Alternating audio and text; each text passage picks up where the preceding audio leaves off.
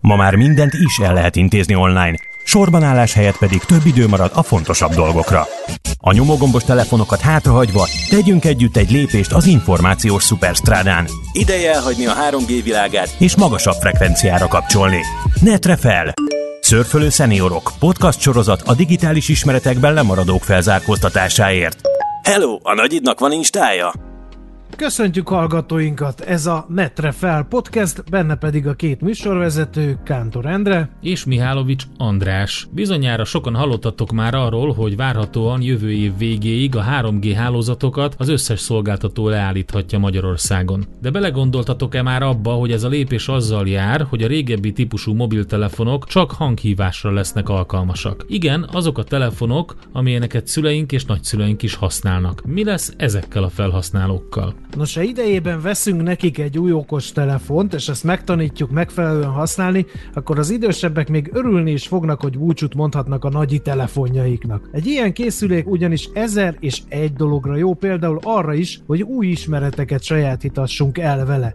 De mit és hogyan lehet tanulni az interneten? Nézzünk most ennek utána. Hanola Erikával váltunk most néhány szót a minden megtanulható.hu tanulás szakértőjével. Szép napot kívánunk, köszöntünk itt a podcastünkben. Sziasztok! Érdekes kérdést uh, szeretnénk a segítségeddel megválaszolni, ez pedig, hogy az okos telefon, mint taneszköz, az alkalmas-e új ismeretek megszerzésére? Hogyan tapasztalod ezt? Feltétlenül szerintem egyre inkább olyan világban élünk, ahol a digitális eszközök betörnek a mindennapjainkba, és ebből nem hagyható ki a tanulás sem. Egyre inkább részese lesz a, a tanulásunknak is, és itt nem csak feltétlen az iskolára gondolok, a, hanem tényleg a mindennapjainkban. Nem csak a gyerekeknek, meg diákoknak, hanem mindannyian tanuljuk. Könnyebb okos telefonnal ismereteket szerezni, mint beülni az iskolapadba? Hmm, ez egy nagyon jó kérdés. Az biztos, hogy az nagyon nagy szerepet játszik, hogy az okostelefon egy olyan ablakot nyit a világra, ahol érdekes dolgok vannak. És szerintem mindenféle tanulásnak az alapja az, hogyha az ember érdeklődik, hogyha uh, nyitott, ha, ha meg akar tudni valamit, ő maga meg akar tudni, és nem rátukmálják, hogy neked ezt meg kell tanulni, akkor sokkal könnyebben meg fogja tanulni. És az okostelefon az erre egy nagyon jó eszköz, mert uh, olyan sokféle dolgot lehet vele megnézni, olyan sokféle dolognak lehet utána nézni, utána járni, ami között biztos, hogy mindenki talál a saját érdeklődési körének megfelelő dolgot. Szerinted hogyan érdemes belevágni mondjuk egy idősebb embernek az okos telefon segítségével egy tanulásba? Mi az, amit elsőként érdemes megnéznie, amiből elsőként szerezhet tapasztalatokat ezen a téren? Hát nulladik szabályként azt mondanám, hogy szerintem nagyon fontos, hogyha egy idős emberről van szó, hogy jó eszközt adjunk a kezébe, vagy kerüljön a kezébe, mert szerintem elrettenthető lehet neki, hogyha valami túl sokat tud, és nem tudja még átlátni. Szóval én azt javaslom, hogy ha, ha egy jó okostelefon is kerül hozzá.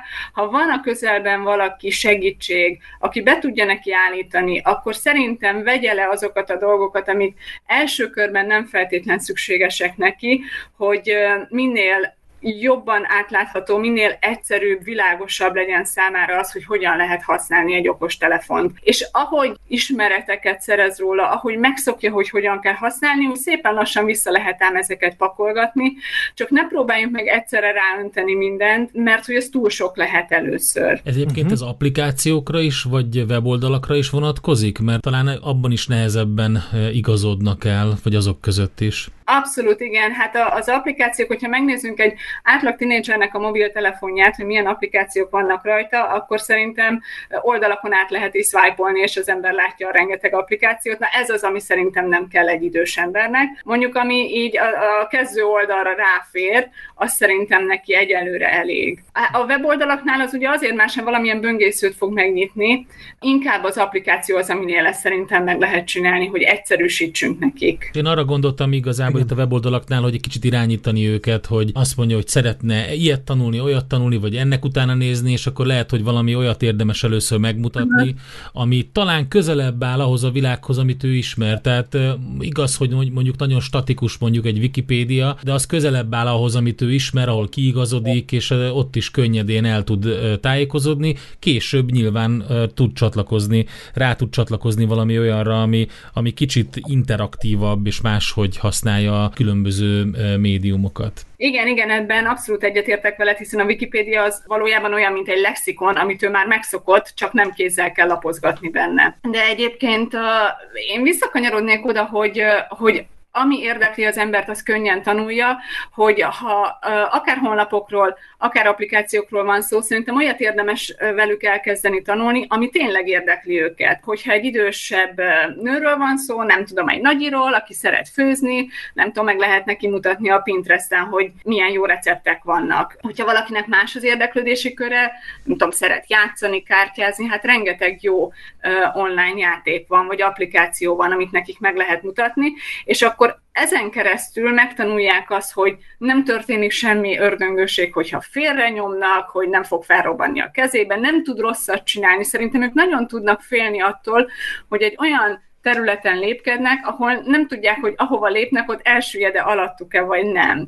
Ami egy, egy kamasznak, vagy egy középkorú embernek teljesen egyértelmű, hogy hogyan kell navigálni a virtuális térben, az nekik tök sötét volt. És hogyha elkezdenek egy olyan területen lépegetni, ami érdekli őket, amit szeretnek, akkor egyre inkább kivilágosodik ez a folt körülöttük, és egyre nagyobb lesz.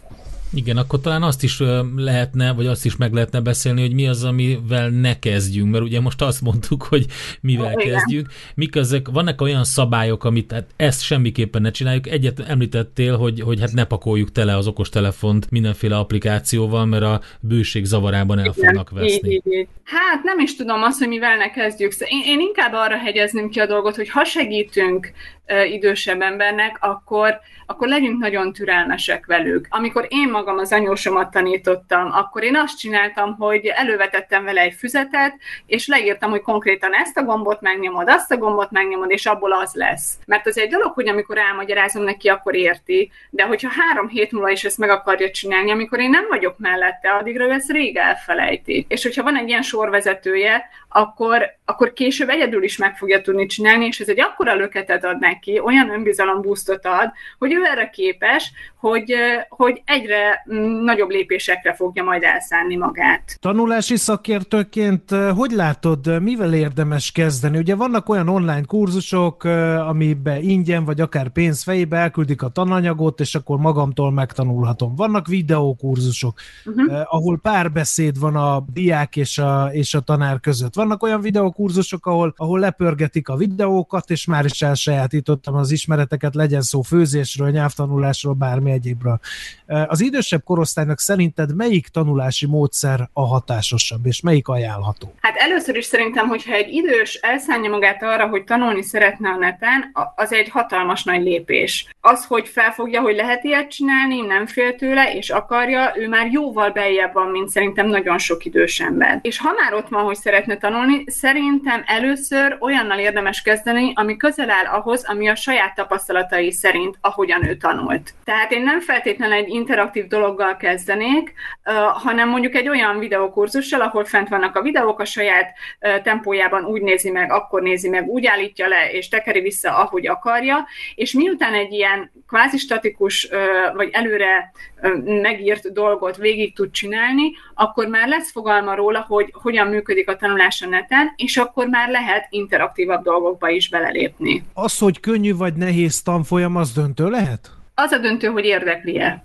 Uh-huh. Mert lehet, hogy nekem nehéz programozni, akit semmit nem értek hozzá, de hogyha valakit ez érdekel, és az a szíve vágya, hogy ő már pedig ezt szeretné megtanulni, akkor bele fogja tenni az időt és az energiát, és akkor tudni fogja. De most mondhattam volna gitározástól elkezdve nyelven keresztül bármit. Szerintem ez a kulcs, hogy, hogy ő akarja, szeresse, érdekelje, és akkor nem biztos, hogy baj, hogy nehéz. Az online tanulásban is vannak fokozatok? Tehát nagyon egyszerű dolgokat is lehet megtanulni, meg nagyon bonyolultakat is? Persze, biztosan, de szerintem sokkal nagyobb a választék az egyszerű dolgokból, vagy legalábbis az egyszerűen felépített dolgokból. Elég, hogyha mondjuk a Duolingo-ra gondolunk. Tehát az egy, az egy tök egyszerű dolog, azt is tudják idősek is nagyon jól tanulni, vagy felfrissíteni a régen tanult nyelveket, És persze vannak sokkal bonyolultabb, nehezebb dolgok is, nem tudom, az amerikai egyetemek is csinálnak kurzusokat, uh, ami azért sokkal összetettebb, vagy legalábbis sokkal több előtanulmányt feltételez. Vizsgázni is lehet online? Persze, nyilván, igen, vannak olyan kurzusok, ahol ahhoz, hogy az ember ö, papírt kapjon róla, ahhoz vizsgáznia kell, viszont akkor nyilván meg fogja kapni azt a papírt, és akkor a továbbiakban azt, ö, az neki egy bizonyítvány lesz. Gyakorlatilag a kezdetleges origami ismeretektől egészen az egyetemi szintű képzésig mindent lehet. Az a kérdés, hogy megvan-e az elszántság és a türelem és a nyitottság az új digitális eszközök irányába. Így van, és én azt gondolom, hogy ö, azzal, hogyha ezt az ajtót kinyitja az ember, akkor a lehetőségek olyan tárháza lesz előtte, ami annyira felfrissíti az agyát, az egész lényét, az egész embert, ez egy akkora löketet tud adni szerintem bármilyen korban, legyen szó tényleg időskorról is, hogy ez vétek nem kihasználni. Erika, nagyon szépen köszönjük. Köszönjük szépen. Halula Erikával beszélgettünk az elmúlt percekben a mindenmegtanulható.hu tanulás szakértőjének. Szép napot kívánunk! Ezek után reméljük sokan ihletet kapnak a tanulásra az interneten, akár okostelefonnal is, mert sok minden van, amit meg lehet tanulni, az egyszerű ismeretektől az egyetemi PhD szintű ismeretekig minden van. Na de milyen gyakorlati, hasznos útmutatás van ahhoz, hogy hogyan kezdjünk ebbe bele? Most Lajtos Ádámmal beszélgetünk, aki a Nemzeti Média és Hírközlési Hatóság digitális műveltségfejlesztési osztályához tartozó Debreceni bűvös völgynek a csoportvezetője. Szerbusz, köszöntünk itt a podcastben. Sziasztok, köszöntöm a hallgatókat.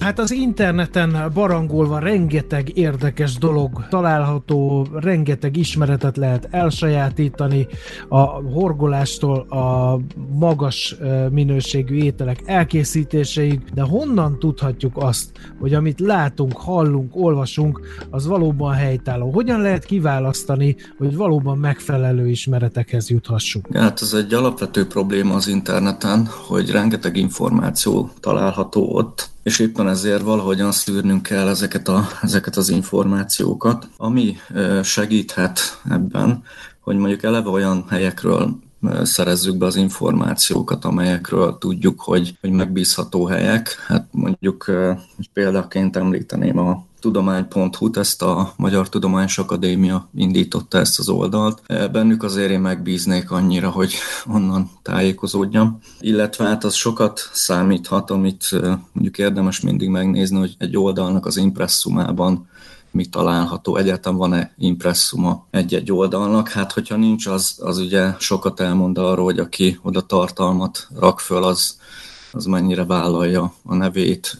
Ebből azért következtethetünk arra is, hogy, hogy mennyire korrekt az a tartalom, ami oda fölkerül. Ez mondjuk egy, egy ilyen aranyszabály lehet a, az internet világában, hogy a, az impresszumot azt azért nézzük meg. Egy jó kiindulási pont, ugye, mert csodák azért nincsenek, bármennyire is szeretünk hinni bennük, és sokszor találkozom én is olyan oldalakkal, amiket feldob egy hirdetés, hogy az orvos tudomány csodája, fantasztikusan le lehet fogyni, és stb. És ilyenkor az ember hajlamos arra, hogy na végre valami, ami, amit nagyon régóta keresek, de hát ugye e, a forrás az megkérdőjelezhető. Igen, egyébként is az idősebb korosztály nagyon érzékeny az ilyen tartalmakra, tehát amikor már több egészségügyi probléma előjön, és szeretne az ember ezekre megoldást találni. És hát nyilván mindenki azt szeretné, hogy gyorsan, olcsón vagy ingyen jusson megoldáshoz, akkor azért nagyon vonzóak az ilyen oldalak. És hát a probléma ugye az, hogy olyan ismert emberek is belecsúsznak néha ilyen áltudományos nézeteknek a terjesztésébe, akiknek a felelőssége azért nagy ebben. Hát a másik fontos dolog itt, a, ami segíthet, hogy több forrásból kell ellenőrizni ezeket az információkat. Hát azért, hogyha négy-öt helyen megnézi az ember, még ezek egymástól független helyek legyenek persze, tehát ne a egymástól mindenféle dolgot átvevő oldalakat nézzük, hanem, hanem valóban független forrásokat, akkor azért sokat segített, hogyha mondjuk mindenhol másképpen van, csak ezen az egy oldalon írják azt, hogy a, nem tudom, a cukor az a legegészségesebb dolog a világon, akkor az így gyanakodhatunk, hogy nem biztos, hogy így van. Egyébként itt most nagyon tudományos ismeretek irányába mozdultunk el a beszélgetésbe, de ha nagyon egyszerű dolgot akar valaki origamit mondjuk megtanulni, akkor sem árt az óvatosság? Akkor is azért nem árt utána nézni ezeknek a dolgoknak? Hát ott mondjuk olyan nagy kockázat nincs az origamiban, mert néhány darab papír veszhet csak, tehát ott azért talán nem kell ennyire szigorúan venni az ellenőrzést, de azért érdemes megnézni. Tehát az sem jó szerintem, hogy az embernek csupa kudarc élménye van, amikor valamit szeretne megtanulni. Itt nyilván nem az fog segíteni, hogy mondjuk a tudom, tudományos oldalak megerősítik ezt, hogy a, az origami az így működik, de azért, hogyha belenéz az ember a, az ottani fórumnak a beszélgetéseibe, azért talán laikusként is kiderül az, hogy ez mennyire komoly társaság, érdemes-e rájuk hallgatni.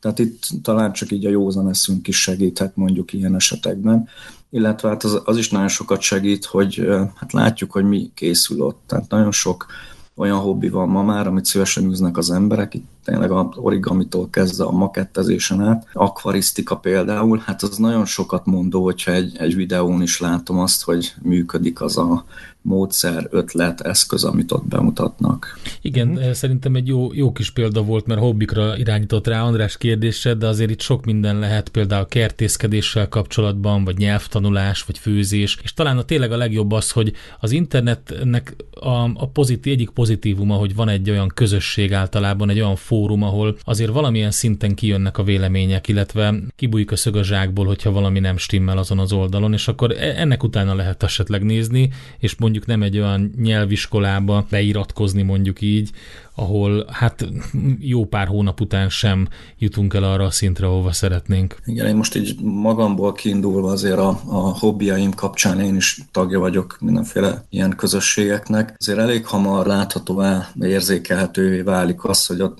mennyire komoly ez a társaság, és általában azért a, a komoly helyekről a, az ilyen trollok elég hamar kikerülnek, tehát érdemes egy kicsit ismerkedni a közösséggel, beleolvasgatni abban, hogy miket írkálnak, milyen hangnemben, milyen stílusban eh, zajlik ott a kommunikáció. Ez szerintem egy jó kiinduló alap, hogy megítéljük, hogy ez most nekünk hasznos lehet, vagy sem. Elhangzott a közösség, amiből elég sok van az interneten, eh, holott gyakran halljuk azt, hogy az internet valahol személytelen valami. És ugye az előző podcast beszélgetésekben is jutottunk ilyen következtetésre, hogy hát arctalan valahol az internet. Ha elakadunk egy ilyen szabadidős tevékenység során nem jön ki úgy a menet, mert valamit nem értünk, valahogy nem úgy állnak össze a dolgok, mint mondjuk egy ilyen oktató videóban mutatják, akkor egy-egy ilyen közösség alkalmas lehet arra is, hogy segítséget kérjünk? Igen, szerintem igen. Most akkor így elárulom a nagy titkot.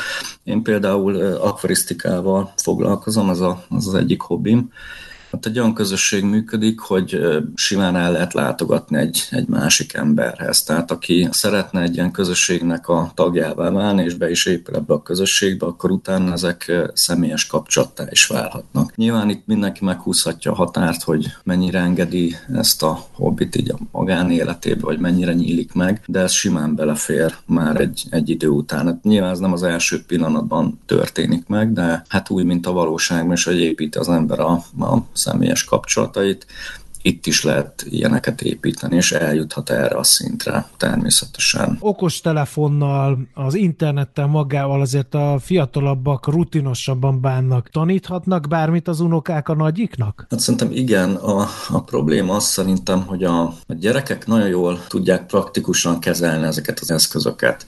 Tehát pillanatok alatt megtanulják, hogy mi hogy működik, mit kell megnyomni, mit kell beállítani. Ők inkább azzal nincsenek tisztában, hogy ennek eh, milyen jogi vagy erkölcsi háttere van.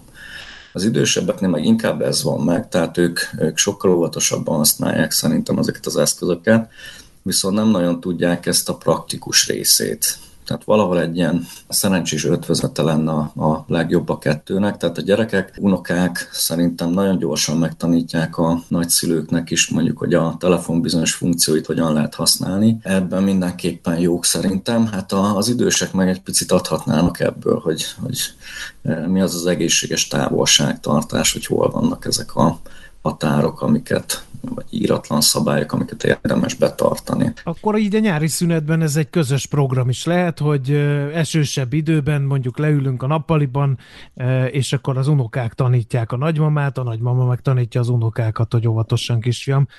Talán ez egy ilyen kölcsönös tanulási folyamat kezdete is lehet egy ilyen program, nem? Igen, hát az, ez mindenképpen így működik szerintem a legjobban, tehát ez a nagyon közvetlen családon belüli tanítás, tanulás, tanulás, ez, ez sokkal jobban működik. hogy az iskolában is halljuk ezt mindig, hogy a gyerekek nem motiváltak, nem érdekli őket, nem akarják. Hát ez, ez mondjuk pont egy olyan közeg, amikor az összes ilyen tényező kikerül a képletből, és valami teljesen más szituációba kerülnek, meg hát nyilván az egy új szerep a gyerekeknek, és amit szerintem nagyon élveznek, csak így a saját gyerekeimre gondolva, amikor ők taníthatnak valamit. Tehát ha megkérdezem tőlük, hogy na ez most hogy is működik, mondjuk játékokban azért jobbak, mint én, aki így felcsillan a szemük, és, és hát órákig tudják magyarázni, hogy ez most miért úgy, ezt még kell átállítani. Szóval a gyerekekben is van szerintem egy fogadókészség erre, hogy, hogy segítsenek ebben, és és élvezik ezt a, ezt a szerepet. Beszéltünk a nyelvtanulásról, vagy a, arról, hogy valaki komolyabb ismereteket szerez a, a neten, és kérdés az, hogy hogy érdemes ebbe belevágni. Nagyon sok iskola hirdeti magát, sok fizetős tanfolyam van, ugye különböző egyetemek is hirdetnek tanfolyamokat nem ingyen, hanem juttatásért cserébe. Érdemes ezekbe belevágni, vagy először próbálkozzunk azzal, hogy ilyen ingyenes tanfolyamokat nézzünk meg? Szerintem először is azt fontos tudni, hogy mennyi mennyire komoly a cél. Tehát miért, miért akar valaki egy nyelvet megtanulni? Tehát ilyen rákényszerül a mindennapi kommunikáció miatt, akkor az szerintem egy más motiváció, mint amikor mondjuk valaki szeretné eltölteni az idejét valami hasznos dologgal, de azért nincs nagy kényszer, hogy, hogy eljusson egy bizonyos szintre. Az szerintem jó, hogyha mondjuk egy, egy nyelvnek az alapja jól megismerkedik az ember, mielőtt sok pénzt költene arra, hogy ezt megtanulja. Erre szerintem jók a, a legegyszerűbb ilyen telefonos applikációk is, hogy lássuk azt, hogy egy nyelv mennyire nehéz, milyen a rendszere, nekünk ez e, fekszik vagy nem, rááll az agyunk erre, vagy nem. Ugye minden nyelvnek van egy sajátos logikája. Minden esetre szerintem fokozatosan érdemes ezt kezdeni. Tehát az azért nagyon nagy e, veszteség anyagilag, hogyha valaki beleöl ebbe sok pénzt, és mégsem jut el arra a szintre, amit szeretne elérni. Hogyha fizetős tanfolyamra megyünk, ott maga az, hogy valami fizetős. És most teljesen mindegy, maradhatunk akár az origami hajtogatásnál, vagy az akvarisztikánál is, nem feltétlenül a nyelvtanulásnál. Vannak ilyen, tényleg ilyen, ahogy a, a Endre említette, egyetemi kurzusok. Ott az, hogy valami fizetős az garancia lehet arra, hogy ott minőséget is kap az, aki egy ilyen fizetős kurzuson szeretne tanulni? Szerintem mindenki szeretné ezt a képet közvetíteni magáról, hogy, hogy van garancia, de hát érdemes azért ennek utána járni. Tehát a, a komoly helyeken azért közé tesznek statisztikákat, véleményeket, volt diákok véleményét. Nyilván itt az a probléma merülhet fel, hogy ezeket mennyire lehet ellenőrizni, milyen formában teszik közé ezeket az adatokat, tehát mondjuk azt látjuk, hogy a nálunk tanulók, nem tudom, 68%-a sikeresen nyelvvizsgázott, és ez az egy számban, akkor azért az túl sok kapaszkodót nem ad abban, hogy ez mennyire komoly, de Hát ugye a, a legtöbb helyen azért kínálnak valamilyen visszatérítési garanciát, tehát ki lehet próbálni valamennyi ideig a tanfolyamot, és ha mégsem, akkor még vissza lehet mondani. Tehát érdemes azért az ilyeneket választani, hogy az ember ne járjon pórul. Mint az élet minden területén, a tanulásban is vannak azért ügyeskedők, hát ha a neten tanulni vágyó barangol, akkor azért bele-bele botlik olyan tanfolyamokba is, amelyek némi pénz fejében azért villámgyorsan elsajátítható, és tuti tudást ígérnek. Hát nem árt óvatosnak lenni, sajnos azért az ügyeskedők ezen a területen is megjelentek, vagy hát jelen is vannak folyamatosan. Nyilván, amikor már így forró a talaj a lábuk alatt, akkor kicsit változtatnak a, a weboldalon, vagy valami új dizájnt adnak, új címet, de, de a lényeg azért nem változik, hogy hát tulajdonképpen a pénzünket el fogadják, de cserébe nem sok mindent nyújtanak, mondjuk ilyen tanulókártyákat, vagy, vagy olyasmit, amitől azért nem fogunk megtanulni egy idegen nyelvet. Eleve gyanús az, amit ígérnek, hogy, hogy villámgyorsan, két hét alatt, négy hét alatt megtanulunk e, egy nyelvet. Ez azért már önmagában is gyanús kell, hogy legyen. Hát nagyon szépen köszönjük, hasznos ismereteket hallhattunk. Lajtos Ádámmal beszélgettünk az NMHH digitális műveltségfejlesztési osztályának Debreceni Bűvös Völgy csoportvezetőjével. Köszönjük szépen a beszélgetést, szép napot kívánunk! Viszont kívánom! Jó pap holtig tanul, tartja a mondás, és mint kiderült, ehhez mostanság már nem is kell feltétlenül beülni újra az iskolapadba. Egy okos telefon és internet kapcsolat segítségével könnyedén szerezhetünk új ismereteket. A lehetőségek tárháza szinte végtelen, egyetemi előadásokat hallgathatunk, vagy megtanulhatjuk egy különleges recept elkészítését, akár ingyen is. Mai podcastünkben hallhattátok, hogyan lesz egy okos telefonból a tanítónk. Megtudtuk azt is, miként bukkanhatunk rá a minket leginkább érdeklő ismeretekre, hogyan válogassunk a néha zavarba ejtően bőséges kínálatból. Kiderült, közösen, játszva, milyen sokat taníthatnak a fiatalabbak az idősebb korosztálynak. És ez még nem minden. A következő epizódban ugyanis utána járunk, hogyan segíthet vidámabb vidámabbá és hasznosabbá tenni a szabadidőnket egy telefonkészülék. Érdemes akkor is velünk tartani. Sziasztok! Sziasztok! Netre fel! Szörfölő szeniorok! Tájékoztató podcast sorozat a digitális ismeretekben lemaradók felzárkóztatásáért. Közös célunk a korszerűbb technológiára váltás. Írjatok nekünk a netrefelkukac nmhh.hu címen. A többi epizódot megtaláljátok az NMHH Spotify oldalán.